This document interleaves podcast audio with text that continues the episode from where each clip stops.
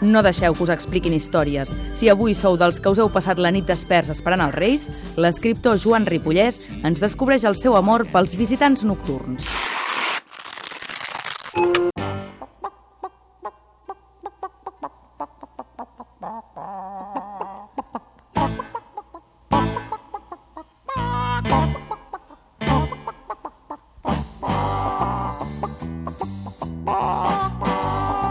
Algú dels nostres oients li hauran regalat una gallina avui? S'haurà aixecat al matí el dia dels Reis i s'haurà trobat una gallina enmig del menjador? No ho sé, però són coses que potser ens podrà explicar l'amic Joan Ripollès. Bona tarda. Molt bona tarda. A tu què t'han regalat els Reis? Doncs m'han regalat moltes coses, però una gallina justament que me l'esperava. Em- Te l'esperaves, sí, no? Sí, Perquè després de, tot, de tota aquesta tu. temporada d'interferències... Sí, però no m'ha arribat la gallina. Ai, gallinites clueques. Doncs escolta, avui no parlarem de gallines, parlarem d'aquesta secció que ja sabeu que fem cada vegada que practiquem això de les interferències, que es diu Enamorats de l'amor. Parlem d'amor per diferents coses i avui una cosa que no m'imaginava mai, que és amor pel visitant, podríem dir, pel que ha de venir a les nits. Sí, els visitants de dormitori. Clar, aquesta nit moltes nenes i molts nens han fet un gran esforç per dormir perquè esperaven que arribessin aquests éssers fabulosos i màgics, els tres màgics de l'Orient. Però Estàs fent un- una veueta com si tu també t'ho haguessis Sí, esperat. és que sóc una persona molt il·lusionada i sempre m'esperava m'esperava els tres màgics trobar-los amb la gallina Sí, Però- i no ha estat així. no ha estat així. Com, perquè molta gent gran, molts, molts adults, per dir-ho d'alguna manera, també ens passem moltes nits desvetllats... Esperant pels- alguna cosa, no? Esperant uns altres tipus de visitants, que són aquests visitants de dormitori. Avui parlarem dels visitants de dormitori, esperem no fer-vos por, sort que encara és una mica aviat, eh, a la tarda, encara la gent està jugant amb les joguines que li han portat, però visitants de dormitori que mm, històricament s'han coneguts com visitants de nit també, no? Però Sí. tu dius que el nom autèntic és visitants de dormitori. Sí, el, el nom tècnic, amb el món així paranormal, però d'alguna manera, és visitants Mhm. de dormitori. Clar, tradicionalment han vingut molt a la nit, però com molta gent li ha passat això al dormitori quan era de dia, dormint la migdiada, per exemple, doncs Mhm. per això també se'ls diu més, generali, més generalment visitants de dormitori. Doncs escolta, quedeu-vos amb aquest nom i anem a posar banda sonora tot això que diem amb una cosa així molt vampírica.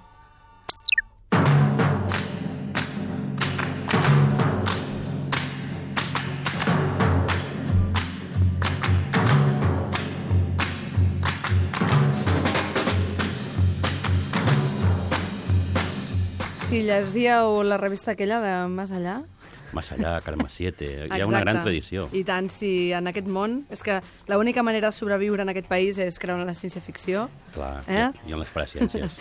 Doncs si éreu d'aquests del Mas Allà, segur que havíeu llegit això dels visitants de dormitori. Què són els visitants de dormitori? A veure, explica-m'ho ara bé Mira, són unes i agafeu-vos el coixí, tots, si teniu una mica de por. Són unes entitats que es presenten en el moment aquell en què no saps si estàs... Eh, tu estàs convençut de que ja estàs eh, dormint, Uh -huh. però al mateix temps et sembla que estiguis despert. Estàs en aquest punt, això que en castellà diuen la duerme vela. La vella, no? La Una vella, mica. no? Sí. I aleshores tu estàs allà... Segurament que ho has pogut experimentar, ho ha experimentat Ah, molta gent. sí, alguna Estàs gent dorm fins i tot.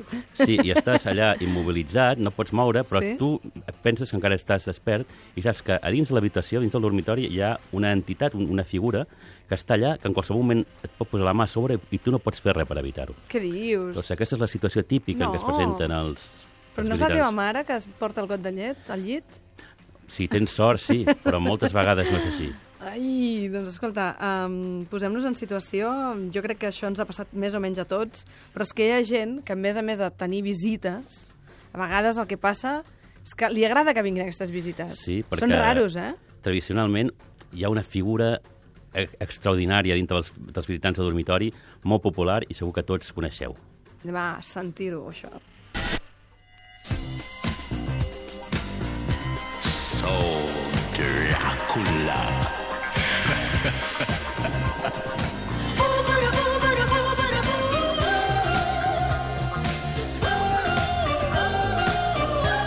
Home, a mi m'encanta aquella cançó de Dràcula Yeye, però aquesta déu nhi eh? Sí. Home, amb aquesta música, amb aquesta banda sonora així soul, ja m'agradaria que vinguessin a veure'm, eh, a les nits. Sí, així ens introduïm amb els visitants de dormitori més populars, que són els vampirs, que apareixen a pel·lícules, llibres... Treu de les dents. Treu de les sí, dents. Sí, jo, ja m'hagués agradat a mi aquest, ser, Ser vampir? Però, Què dius? però jo prefereixo fins i tot eh, les vampires, perquè Sí, home, sempre s'ha donat aquesta situació tan mas masclista, no? que tothom ha vist. La, aquesta escena en què és de nit, hi ha una noia dormint allà al llit, i de cop i volta s'aixeca, s'incorpora, es descorda la camisa i, Sí, i Dràcula li fot una mossegada. Les vampires sempre són generoses, no?, de pectorals, vull dir. Sí, sí, No sé la- què ho fa. Sí, jo crec que els hi prenen la sang, però alguna cosa guanyen en Sí, l'intercanvi. home, i tant, ja t'ho dic ara. I, I tu per què creus que, que ha estat així sempre? Per què creus que hi ha hagut aquest rotllo tan eròtico-festiu eh, en, en aquest tipus de, vaja, de personificacions de les vampires? El Home, cinema, la literatura... Les vampires, les vampireses... Sí, hi, ha, hi ha una tradició... Perquè és, és, la, és la fem fatal, en realitat. De fet, la, la, la, la primera vampiresa, la primera vampira que es coneix de tota la història, o que s'entén que és la primera, és eh, Lilith, que no sé si coneixes la, la sí. llegenda de Lilith, una, una, una figura molt reivindicada pel feminisme. Expliquem-la, expliquem-la. Sí, dintre de la tradició jueva, Lilith era la primera dona d'Adam. O sigui, quan, quan Déu crea a la humanitat, crea un home i una dona fetes de la mateixa matèria, del mateix fang. El que passa és que Lilith eh, no vol acceptar l'autoritat eh, del mascle, no? ni al llit ni fora del llit. I Clar arriba un sí. moment en què es, es, es cansa d'aquesta feixenderia masculina i diu, ja, ja me'n vaig, ja no t'aguanto més. I uh. -huh. Adam es Se m'ha queda buscat tabac i no torna. Sí, sí, sí. I es queda Adam plorica, ploriquejant allà i demanant-li a Déu, sisplau, dona'm una altra companya, i li va donar Eva, que ja era submisa i, i és la tradició aquesta que ens ha marcat, desgraciadament, Doncs la tradició sort, ju jueva cristiana. Sort que hi ha moltes lilis pel món que se'n van a buscar tabac i no tornen. Um, anem a parlar d'uns altres, no? D'uns altres tipus de- de- d'amors, però una mica eh, endemoniats. Sí, no sé perquè. Lilith, eh, Sí. degut a aquesta rebel·lia, Uh -huh. La seva rebel·lió va fer que al llarg de la història doncs, cada cop se l'acusés de més coses, de més pernicioses contra la humanitat. I aleshores primer se la va qualificar de làmia, que era una espècie de, de vampira, justament que anava a la nit i que xuclava la, el, la sang als nadons. Que I ara després... és un còmic, també, de, Sí. de Reco Pulido, que explica una dona que pren la seva, la, seva, la justícia per la seva mà, podríem dir. Veus? Doncs aquí veus una altra reivindicació d'aquestes figures. I més endavant la van convertir en un dimoni. Que bé, doncs escolta, anem a sentir, de fet, un fragment no?, d'una pel·li de... on s'explica això, no? Més o es, menys, es o què? parla d'íncubes i de sucubes. Ui, això ens has d'explicar, eh? Perquè això, vaja, sembla el col·le, eh? Equilàter... Aquí está. Aquí tenemos su descripción de un incubo. Dicho espíritu diabólico puede estar al servicio de hombres o mujeres. Los incubos surgieron atraídos por el deseo de procrear. Y era sabido que copulaban con brujas y las preñaban. Si ets vampiresa, està clar que tens una vida molt emocionant. O sigui, i ara què? què, què o sigui, m'ha- fet una mica de iuiu Clar, tot això, aquí eh? una parlat mica dels la llavor del diable, eh? Ja? A l'edat mitjana, Sí. quan encara no existien aquests dimonis, que són els psicoanalistes, quan algú tenia un somni així humit i tacaves llençols i aquestes coses, si era un home, deien que l'havia visitat una súcuba, que era un, una, un, una dimoni que li xuclava l'energia vital. no, m'es- no, sé- no sé quin- no s'estendrem com ho feia, però li xuclava l'energia vital. Sí. I si a qui, a qui li passava una dona, que era més sovint, li deien que era un íncuba, que era un dimoni que tenia relacions amb aquesta dona i sovint la, la deixava embarassada. Que bé, no? Que Se, pràctics. segons aquesta tradició, algun dia naixerà l'anticrist, entre, la, entre el vincle entre un íncuba i una, don, una I una- doncella innocent. Clar que sí. Estem esperant, eh, per això encara, tot i que n'hi ha exemples, eh, a la política actual, alguns sí, de ben potents. I tant, i tant. I hi ha casos molt coneguts, no?, per això, per exemple. Sí, a l'edat mitjana, a partir del segle XIII, van començar a haver-ne molts, i més recentment, aquesta figura de l'íncuba i del súcuba, que si algun dia teniu el dubte, es- es- recebiu, rebeu la, la visita d'un visitant de dormitori i teniu Us relacions mireu amb i ell... dieu, soc dona o soc home? No, no, si teniu una relació amb ell i, i, i el seu, els seus genitals estan freds, és que és un íncuba o una súcuba, Ah. que és una manera de reconèixer-los. Ah, sí? Sí, sí, és Molt una, bé. una, deu ser una sensació molt estranya, jo no l'he tingut mai, eh? Jo tampoc. Eh, anem a parlar de ginolls, em sembla. Ginolls, no? Era el que venia ara? Desapareció. Pero usted lo sintió en su interior. Sí, doctor. ¿Sintió que era un hombre? Un hombre grande. ¿Le hizo daño? Sí, claro que me hizo daño. Era repugnante. Pero cuando entró mi hijo, allí no había nadie. Bien. ¿Y, y qué pensó? Su hijo. Que había sido un sueño.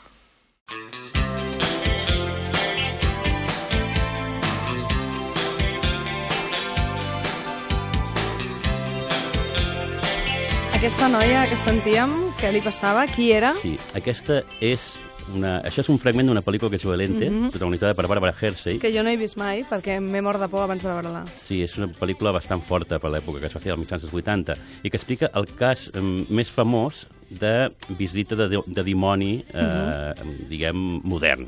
Sí. Explica la història real i suposadament documentada de Califòrnia l'any 74 de Carla Moran, que era una, una senyora que era vídua amb quatre fills, que rebia les visites d'una entitat demoníaca Però això, que la forçava sexualment. Era, però això és, la, és una història real?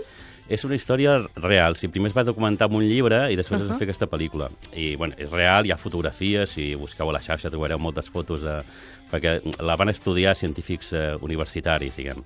El que passa és que el seu problema aquest no el van acabar de solucionar mai, va, fer molt, va canviar moltes vegades de casa, Sembla, va, ser, va semblar que va deixar de tenir aquestes, eh, aquests atacs. Possessions, no? Però no, eren, eren, bueno, sí, eren possessions, però del, del punt de vista que era forçada sexualment. Ja. Aquí a Espanya, a Calahorra, a, a la? Rioja, va haver un cas semblant sense arribar a tanta Van ser forçades violència. a menjar vi, a beure vi. No, No, no, no, no, no. Virginia del Valle, que era una adolescent de de 14 anys, uh -huh. als anys 90, després de típica situació de, de jugar amb una taula Ouija, va ser atacada també per entitats escolta, d'aquest tipus, però no va ser violentada sexualment, afortunadament. Iker Jiménez uh, ha fet alguna cosa amb això? Oh, segur, no? segur, segur. segur, segur.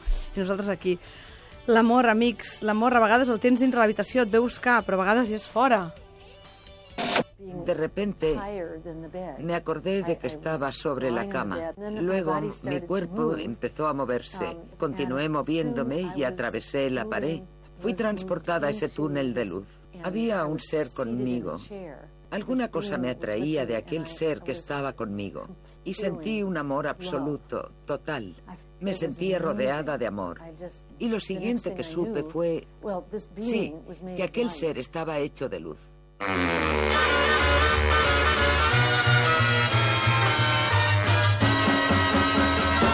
ignorada, marcianita.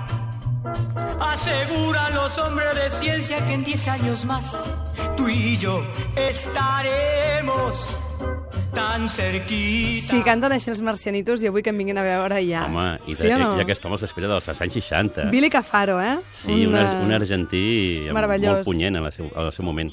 És Acaben- com el Dodó Escolar que vam tenir aquí una mica. Sí, sí, ell parlava del Congo i aquest senyor del, Sí, de, de, de, del, dels alienígenes. Perquè tots aquests militants... Eh, Això que estàvem sentint, per cert, que era un documental, És el fragment d'un documental francès, Sí. que es diu En Leves, que la van traduir com extraterrestres, i un que parla National Geographic d'extraterrestres, una de mica. persones abduïdes. Què dius? I aleshores No els som visitants nosaltres? nocturns han, arribat, han acabat derivant en els Mhm. nostres temps, des de anys 60 cap endavant, en, bàsicament, els casos que més es succeeixen són els d'abduccions per part d'extraterrestres. Moltes vegades O són traumàtiques, típica situació que estàs dormint, Sí? Se t'omple l'habitació de llum i acaben apareixent aquests homenets grisos amb el cap gros, ulls ametllats, negres, i comencen a tocar-te, a fer-te coses. Hi ha gent que s'ho pren molt malament i és un trauma per tota la vida, i hi ha gent com aquesta senyora que m'ha escoltat que s'ho pren com la, la, una experiència Com una realment alegria, no? Perquè hi ha, hi ha, una, una, hi ha una parafília. Què Hi ha dius? gent que té moltes ganes de tenir relacions amb extraterrestres i és la exofília. Exofília. Sí, sí. I, ha què un- fem nosaltres? Nosaltres... Jo, nosaltres tu ets més clàssic, tu ets de vampirs, no? Jo, de, de de, jo vampireses i, A i, i súcubes. El que passa és que a mi m'agrada el dels vampirs, però a mi no m'agrada que vingui un senyor i em deixi embarassada. Vull dir, només la visita, m'explico? No, els vampirs no t'embarassen, són els Ah, no? dimonis. No, pots, estar, pots Ah, estar tranquil amb un vampir. Va de bona fe. Ara estic molt més tranquil·la, amics. Dorm, dorm, tranquil·la. A veure, alienígenes, que dius que tenen els ulls enmotllats, que, que com has dit que es deia això? Exo què? Exofília. Molt bé. Hi ha un cas cèlebre a Gran Bretanya Sí? d'un regidor de, Sí? de North Yorkshire que aquest senyor diu que té relacions eh, amb una extraterrestre que li diu la reina gat i que ja tenen un fill. Ai, nen, Sí, sí, qui el sí. conegués? Sí, sí. Bueno, doncs un polític a... votat, eh, democràticament. Sí. Com es diu aquest senyor? Es diu... Sí, eh, mira, ho tinc Per buscar-lo al Google, ho no? Per dir, a veure sí. si anem al casament Simon o Park, Parks. Cinnamon Parks. Sim, Simon Parks. Simon Parks. I és regidor, sí, de... Ell sí que li fot a la canyella. Sí, sí, un, un home. El seu regal de Reis fabulós. Doncs escolta, jo espero... No sé si podré dormir aquesta nit, Eh? I no serà per l'emoció del regal, sinó jo, és per culpa teva, Joan. Jo animo tots els nostres oients que, que intentin contactar amb aquests visitants de dormitori. Uh -huh. Si no mhm. aconsegueixen, doncs l'any vinent, no? a la nova Carta dels Reis, que ho demanin, segur que ho tindran. Mira, si més no, que ens deixin la targeta i ens ho pensem. Sí. Sembla bé? Una targeta de visita? Perfecte. Molt bon any a tothom. Vinga, doncs, moltes gràcies i bon any. Y en el año 70 felices seremos los dos.